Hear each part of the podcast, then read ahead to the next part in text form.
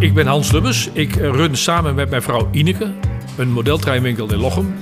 En sportstore En dit doen wij eh, samen al zo'n 20 jaar, waarvan uh, sinds 2008 een winkel.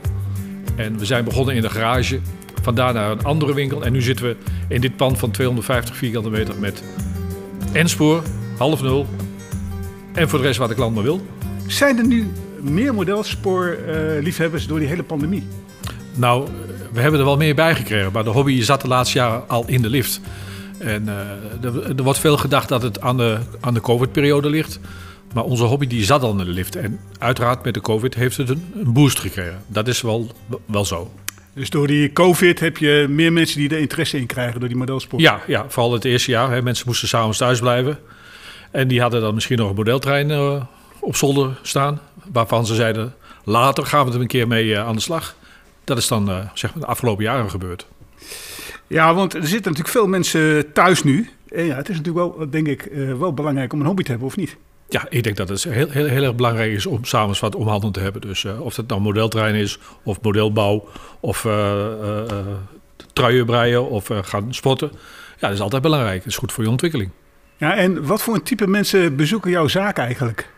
Nou, typen, zo mag je het niet omschrijven. Eh, is het groot of klein? Of? We krijgen van alles. We krijgen uh, jongelui van 10, eh, 12 jaar. We krijgen uh, mensen die gewoon in de bouw werkzaam zijn. Mensen die op kantoor zitten. We krijgen directeuren.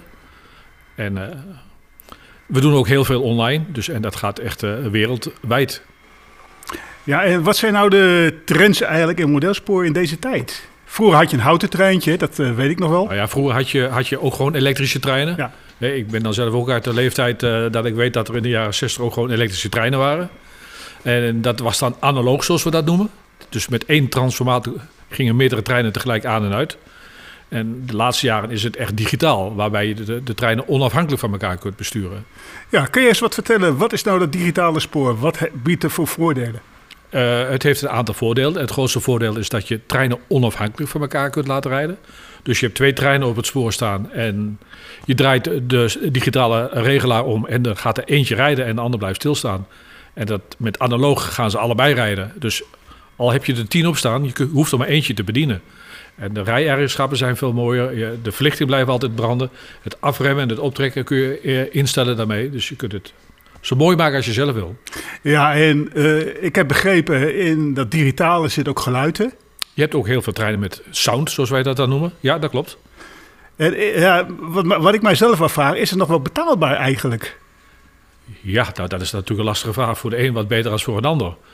maar goed, je hebt ook modellen die rond de 200 euro kosten. Is natuurlijk ook wel veel geld. Maar we hebben ze ook van 400, 500 euro. En we hebben ook gebruikt. Wij, wij kopen ook weer uh, spullen terug voor als mensen ermee stoppen. Om wat voor reden dan ook. En dat is het uh, een stukje gunstiger in prijs. Oké. Alles wordt hier gecontroleerd, getest. En uh, je krijgt er gewoon een prima tweedehands slok, kun je hier ook kopen. En uh, welke spoorbreedte verkoop je nou het meest eigenlijk? Want ik weet, er zijn verschillende spoorbreedtes. Klopt, wij zijn uh, begonnen met zuiver 1 op 160. Enspoor heet dat. Daarmee hebben wij, zijn we ongeveer 20 jaar geleden mee begonnen. Eerst gebruikt en sinds 2008 hebben wij een winkel. En dat is, nou, een aantal keren zijn we verhuisd omdat we steeds meer aanbod hebben in onze hobby. En uh, nou, wij hebben het grootste assortiment op voorraad van, van Nederland. ik, meer wil ik daar niet over zeggen, maar wij hebben alles uit voorraad. En ik probeer ook alles wat regulier is op voorraad te hebben. Maar de schaal die het meeste uh, wordt verkocht bij, bij collega's, dat is schaal 1 op 87. En dat is meestal als je dan zegt Fleisman of Merklin, dan weet iedereen wel wat, wat je daarmee bedoelt. En wij hebben een schaal N en dat is zeg maar 25% van de schaal van 1 op 87. Ja, jij, ik hoorde net dat jij Merkelin zei. Ik ken het merk van vroeger. Hè? Ja. Vroeger als jongen kwam je er niet aan te pas. Want ja, het was behoorlijk uh, duur eigenlijk voor je ouders. Ja, maar Merkelin bestaat nog steeds? Alle merken bestaan nog steeds. Dus eigenlijk geen merk wat weggevallen is. Er zijn wel wat merken die het de afgelopen jaren lastig hebben gehad. Die uh, zijn overgenomen of door een bank of door een andere uh, partij.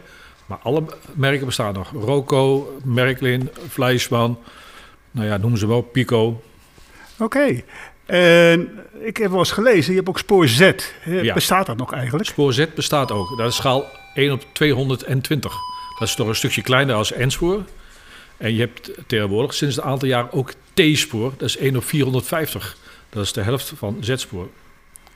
Dat is heel erg klein. Maar wat moet erbij voorstellen? Want dat zie je haast niet, denk ik. Nou ja, je ziet het wel. Maar goed, je kunt natuurlijk in een hele kleine oppervlakte veel, veel doen. Maar goed, het, het, het aanbod daarin is natuurlijk ook klein. Ja, en nou eh, van uh, Z naar LGB, dat is het hele grote spoor. Ja, tuinspoor, ja. Uh, wordt er nog veel gekocht door de mensen eigenlijk om in de tuin een spoorbaan te leggen? Is dat nou interessant? Hmm, kan ik geen goed antwoord op geven. Weet je, wij verkopen dat niet. Ja, je kunt het bij ons bestellen, maar wij hebben het niet in de winkel. Het is echt een, een, specialistisch iets, net zoals wij het N-spoor hebben. Uh, wij zijn dan eigenlijk ongeveer de enige in Nederland die een aanbod hebben als dit. En we hebben twee grote zaken in Nederland die zich hebben gespecialiseerd op LGB. dus eh, LGB heb je ook heel veel ruimte nodig in de winkel. En zoals je hier ziet, hebben we niet veel ruimte. We zitten vol. Maar je hebt hier een mooie winkel, hè? maar doe je ook beurzen? Ja, wij doen dedenbeurzen. Hè. Natuurlijk, in deze periode is het, is het wat lastig. Maar ja, wij, wij doen beurzen in Nederland en in Duitsland. Dus uh, de houten beurs is bij veel mensen wel bekend. Ja. Eurospoor is wel bekend. Rail in Nederland is wel bekend. En veel Nederlanders gaan ook altijd naar Duitsland, naar Dortmund, intermodelbouw. Heb je misschien wel eens van gehoord? Ja. Nou ja, wij gaan ook naar Stuttgart, we gaan naar Friedrichshaven. We gingen naar, naar, eh, naar, naar uh, Leipzig, wat ik je net vertelde. Dus, dus dat zijn wel de grote beurzen. Dat zijn de grote beurzen. Ja, ja. ja, er zijn natuurlijk meer hobby's dan modeltreinen. We gaan dus even rondvragen op het station. Ik heb echt geen hobby. Ja, echt gewoon de standaard clichés.